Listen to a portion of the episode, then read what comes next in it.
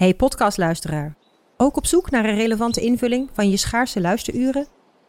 Tune dan in op de podcastserie ESG, even samengevat van BNP Paribas. Wij, Marloes en Aldert, spreken daar duurzame voorlopers en wereldverbeteraars. Waarover dan? Nou, bijvoorbeeld of we ooit duurzaam kunnen gaan vliegen. En waarom koeien in de stad nou een goed idee is? Dat en meer elke twee weken in een nieuwe aflevering. Dus abonneer je. ESG, even samengevat. Ik ben al jaren ondernemer, maar waar moet ik eigenlijk allemaal aan denken nu ik voor het eerst personeel wil aannemen, voor het eerst ga importeren of voor het eerst een bedrijfslocatie zoek? Weet wat je wel of niet moet doen bij zaken die je voor het eerst oppakt. Check kvk.nl voor praktische stappenplannen. KVK, hou vast voor ondernemers. Vanaf de redactie van NRC het verhaal van vandaag. Mijn naam is Thomas Ruip.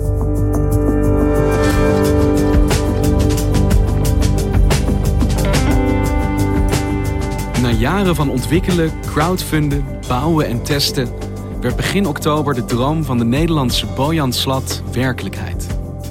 Zijn uitvinding om plastic in de oceaan te vangen werkt. Maar niet iedereen is enthousiast. Want, zeggen biologen, met het plastic verdwijnt ook bijzonder zeeleven.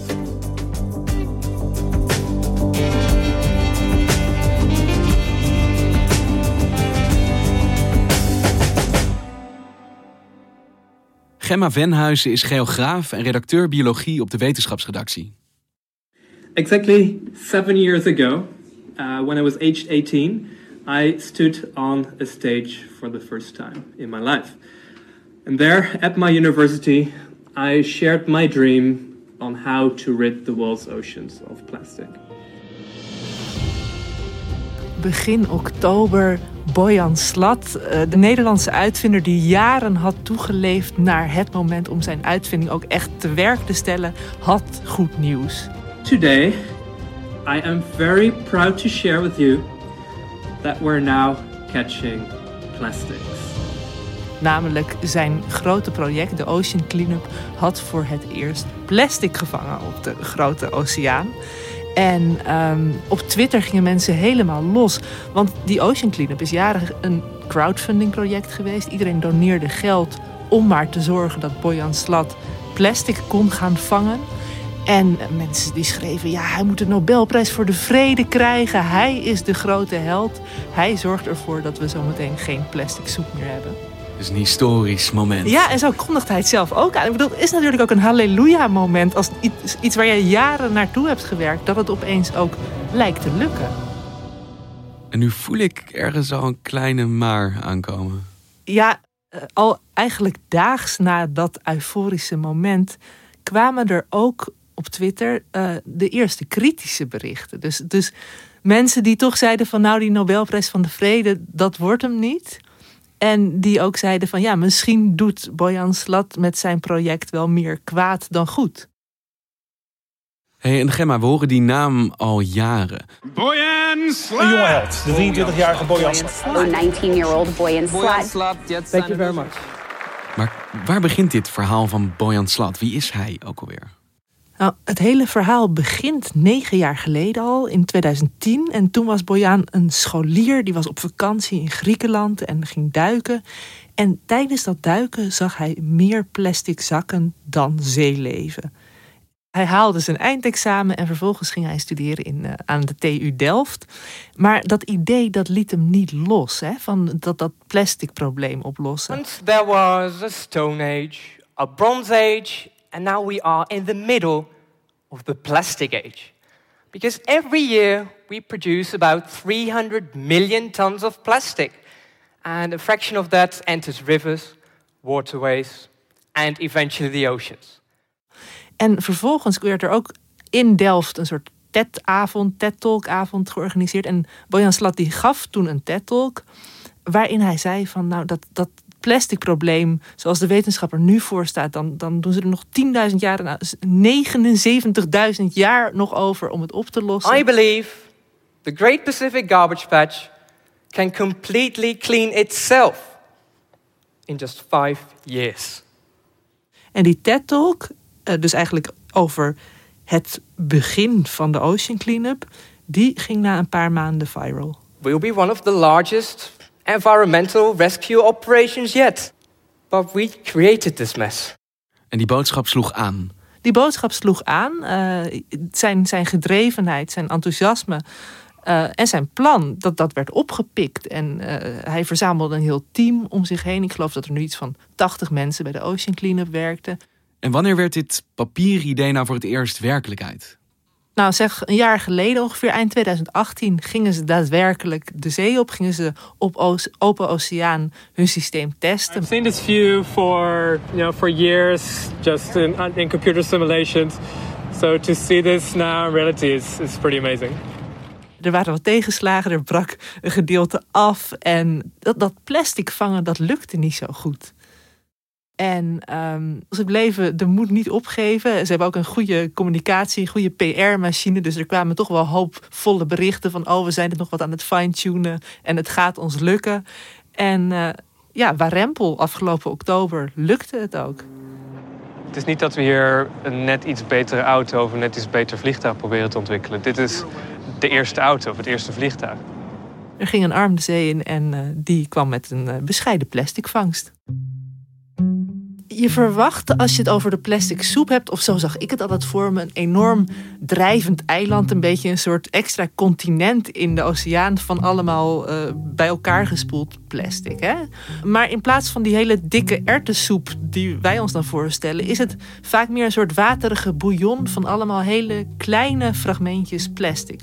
Kijk, al het plastic dat vanaf land uh, in zee komt, dat komt via de oceaanstromingen wel op bepaalde plekken in de oceaan samen. Dus dat zijn zogeheten gyres, een soort cirkelvormige zeestromingen. En dat is waar heel veel plastic terecht komt. Maar het zijn dus geen plastic eilanden waar je op kunt staan. Bij nee, spreken. Ik sprak ook een Nederlandse marinebioloog, Katja Pijnenburg van Naturalis. En zij zei ook van dat plastic dat in de oceaan komt, dat, dat verbrokkelt, dat verweert onder invloed van, van chemische processen en van bacteriën. Wordt heel veel plastic eigenlijk steeds verder versnipperd. Dus wat er aan het oppervlak drijft, dat, zijn gewoon kleine fragmenten. En die grotere objecten, die zinken naar de bodem, die zijn te zwaar. Maar het is niet zo dat het oplost en verdwijnt. Het worden gewoon alleen steeds kleinere stukjes eigenlijk. Ja, en juist microplastic. Nou ja, dat hebben we aan, aan land. Ik bedoel, je hebt ook steeds vaker heb je, uh, over microplastic in ons voedsel. Uh, gewoon in onze douchegel. Microplastic is iets waar we heel weinig van af weten. Maar wat ook wel een beetje beangstigend is. Omdat het zo makkelijk in ons lichaam terechtkomt. Maar ook natuurlijk in dat van zeedieren. En je hoort natuurlijk al heel lang gesprekken over plastic reductie, om hier oplossingen voor te vinden. Maar groeit dit probleem nog steeds? Ja, ze zeggen dat sinds 2000 is het uh, aantal, of is de hoeveelheid plastic in de oceaan alleen nog maar toegenomen. Door nieuwe metingen ontdekten wetenschappers van de Ocean Cleanup dat er zeker vier keer meer afval in het water drijft. Ze hebben berekend dat 8 million metric tons of plastic is being dumped into our oceans every single year. En wat is nou die oplossing die Bojan Slat op dit probleem van dat ronddrijvende plastic presenteert? Wat, wat is zijn uitvinding nou? Het is een soort uh, reusachtige uh, regenworm of een, een, drijvende de vangarm noemen zij het. Een 600 meter lange slurf die ze op het wateroppervlak loslaten. En daaronder hangt nog een net. Dat gaat ongeveer tot 3 meter diepte. En langzaam gaat die arm zich, zich krommen. Dus, dus eerst is het een soort rechte buis en die kan zich dan insluiten. Die, die, die vouwt zich als het ware als er ergens plastic wordt, uh, wordt gesignaleerd. Dan vouwen die buitenkanten van die slurf zich om het plastic heen. Tot het een ja, hapklaar pakketje wordt dat ze dan weer aan boord kunnen hijsen. Wat het leuke is van die vangarm is dat hij eigenlijk helemaal zelfstandig kan werken. Dus, dus omdat hij op de oceaan dobbert, heeft hij ook, kan hij gebruik maken van de zeestroming, van de wind en dergelijke. Om precies zodanig te komen liggen dat hij plastic invangt. En het is dus niet zo dat ze hem de hele tijd vanaf uh, de boot nog met, met een robotarm moeten besturen of wat dan ook. En hoe weet die arm dan waar die moet zijn? Nou, Bojan Slat weet waar die moet zijn. Uh, die heeft ook in overleg met, met uh, oceanografen die van alles weten over de zeestroming en over met biologen hebben ze onderzocht van waar moeten we nou heen om die armen los te laten? Waar is die plastic soep? En een van die plekken die daarvoor is aangewezen, dat is in het noorden van de Grote Oceaan. En dat is zeg maar tussen Hawaii en Californië een beetje. En dat heeft weer met die zeestromingen te maken waar ik het net over had. Dat daar heel veel plastic samenkomt. Ja, de grote vraag is nu natuurlijk: werkt het ook? Nou, het werkt zeker. Hè? Ze hebben plastic gevangen, dus in die zin dat bewijs is er. Most of this is microplastics, all collected by, um, by the cleanup system. Dat presenteerde hij. Liet Ja. zien. Nou, en om te laten zien, om ons te laten meedelen in dat succes, verspreidde de Ocean Cleanup een foto met bewijs. Hè, van dit is het plastic dat we hebben gevangen, of dat, dat die vangarm heeft gevangen. Hij, hij schreef er nog bij op Twitter, geloof ik, is er iemand nog een, nog een wiel kwijt? And, you know, car tire. No idea how that ended up there, but if you're missing a wheel, just let us know. Ehm, dus ja, die, die foto werd met veel gejuich eh, weer becommentarieerd. Maar het bewijs, dat idee wat hij had als middelbare scholier, als student, eh, werkt. Ja, maar eh, er was één Amerikaanse bioloog, Rebecca Helm. Die begon allemaal rode cirkeltjes op die foto te zetten. En in elk cirkeltje, dat zij, er waren iets van 100 cirkeltjes op die kleine foto, zei ze: In elk cirkeltje dat ik hier op de foto heb gezet, bevindt zich zeeleven. Dus je vangt niet alleen plastic met dit project, maar je vangt ook heel veel oceaanbewoners weg. En wat is het zeeleven dat zij omcirkelde op die foto? Wat, wat, wat zijn de dieren die hij hiermee schaadt? Nou, dit is een van mijn eh, nieuwe lievelingswoorden. Ik heb het ook pas net geleerd, maar het heet nuiston. E N-E-U-S-T-O-N.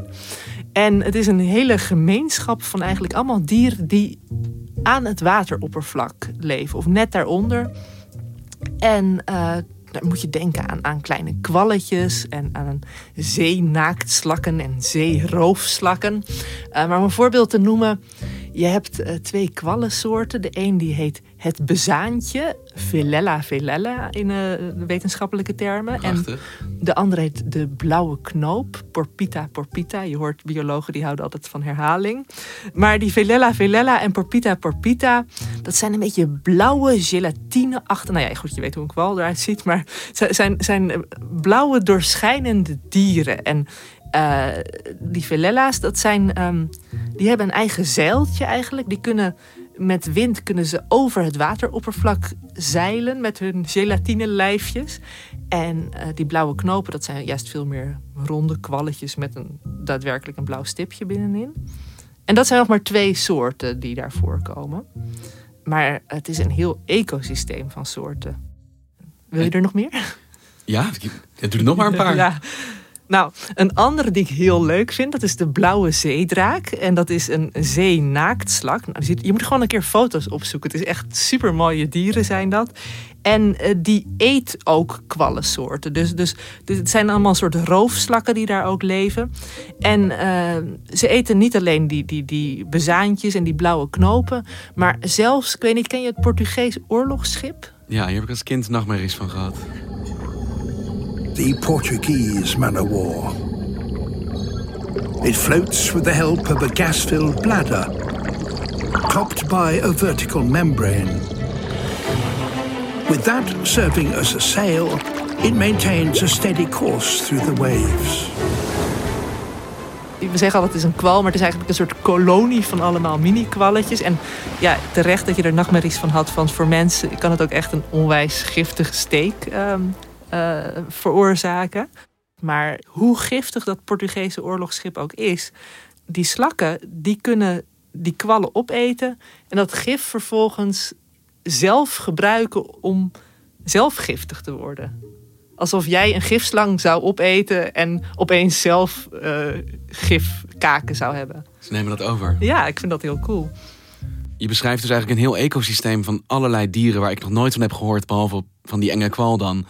En dit zijn de dieren die voorkomen precies op de plek waar hij dat plastic weghaalt. Nou, het interessante is, van veel van die dieren weten we niet hoe wijd verspreid ze in de oceaan voorkomen. En op de plek waar, eh, waar nu de Ocean Cleanup actief is, daarvan weten we dat, dat die velella's, die porpita's daarin voorkomen, dat die blauwe zeedraken en zo daar leven. Maar de zorg is dat zijn het gedeelte van de zeeleven, dus in die bovenlaag, die precies door die arm eigenlijk wordt vastgegrepen. Ja, en dan kun je zeggen natuurlijk van, ach, een kwal meer of minder, wat maakt het uit? Eh, maar tegelijkertijd, ik noemde net al, eh, er zijn andere dieren die eten die kwallen ook.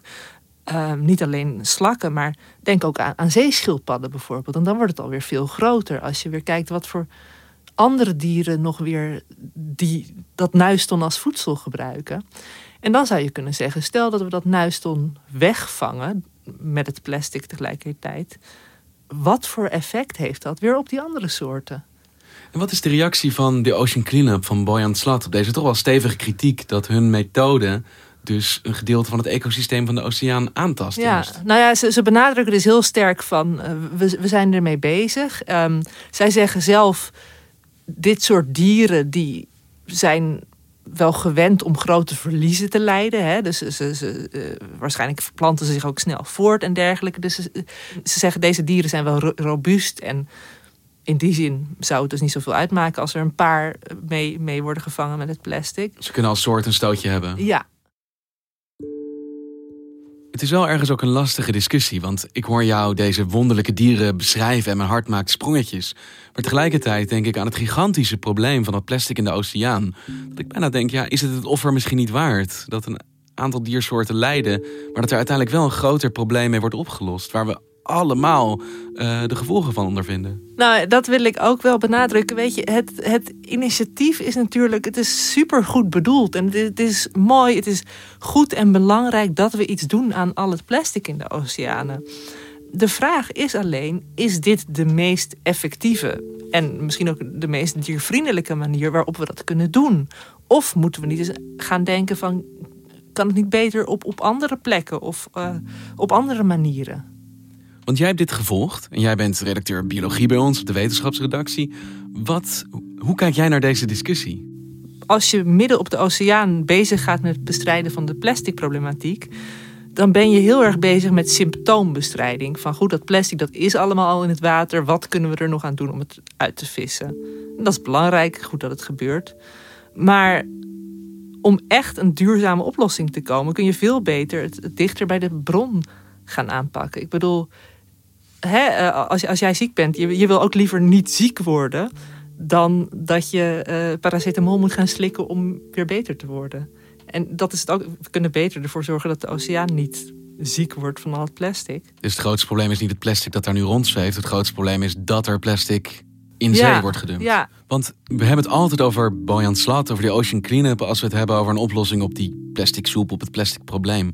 Zijn er serieuze alternatieven? Zijn er vergelijkbare initiatieven waardoor nuiston misschien wel gespaard blijft? Ja, best wel. En ook hier in, in Nederland. Um, naar schatting wordt 80% van het plastic soepprobleem veroorzaakt door maar iets van 1% van de rivieren. Maar als je dus in rivieren de, dat plastic kunt ondervangen, dan ben je al een heel eind. En daar zijn verschillende initiatieven voor.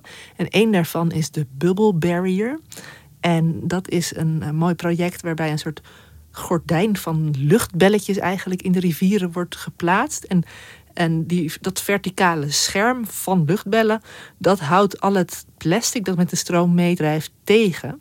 Terwijl onderwaterleven, vissen bijvoorbeeld, die kunnen er gewoon doorheen zwemmen. En de scheepvaart, die ondervindt er ook geen hinder van. Maar plastic wordt dus wel op die manier onderschept.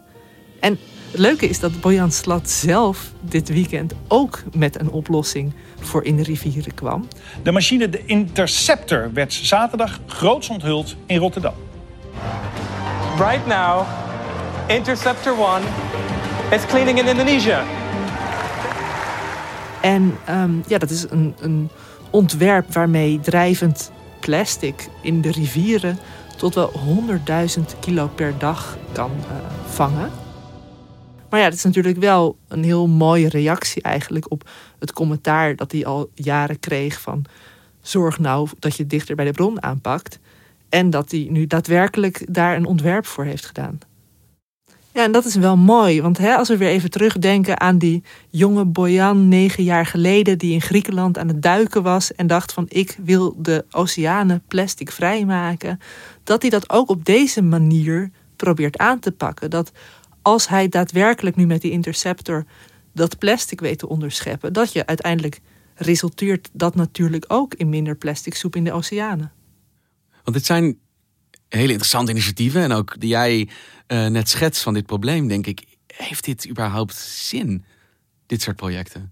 ik denk toch elk, elk, stukje plastic dat we eruit weten te vissen, dat, dat eh, helpt weer mee. Maar ik heb ook die Katja Pijnenburg die ik net noemde van Naturalis. Ehm, die zei van ja, dat, dat plastic op zich, dat is nog niet eens het grootste probleem dat, dat zich eh, in de oceaan afspeelt. Want tegelijkertijd hebben we ook te maken met verzuring. Dat het oceaanwater steeds zuurder wordt. Dat is ook niet leuk voor de zeebewoners.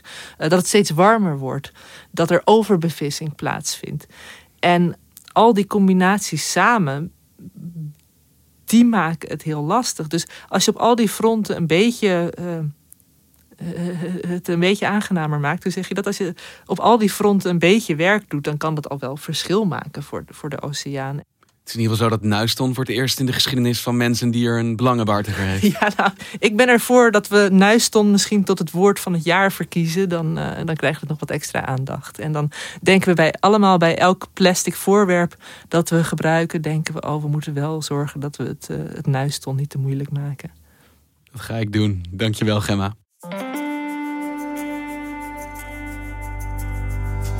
Je luisterde naar vandaag, een podcast van NRC. Eén verhaal, elke dag. Vandaag wordt gemaakt door Mirjam van Zuidam, Henk Ruigrok van der Werven, Ido Havinga, Tessa Kolen, Julie Belucé, Jan-Paul de Bond, Ruben Pest, Jeppe van Kesteren en Felicia Alberding. De muziek die je hoort is van Rufus van Baardwijk. Dit was vandaag, maandag weer.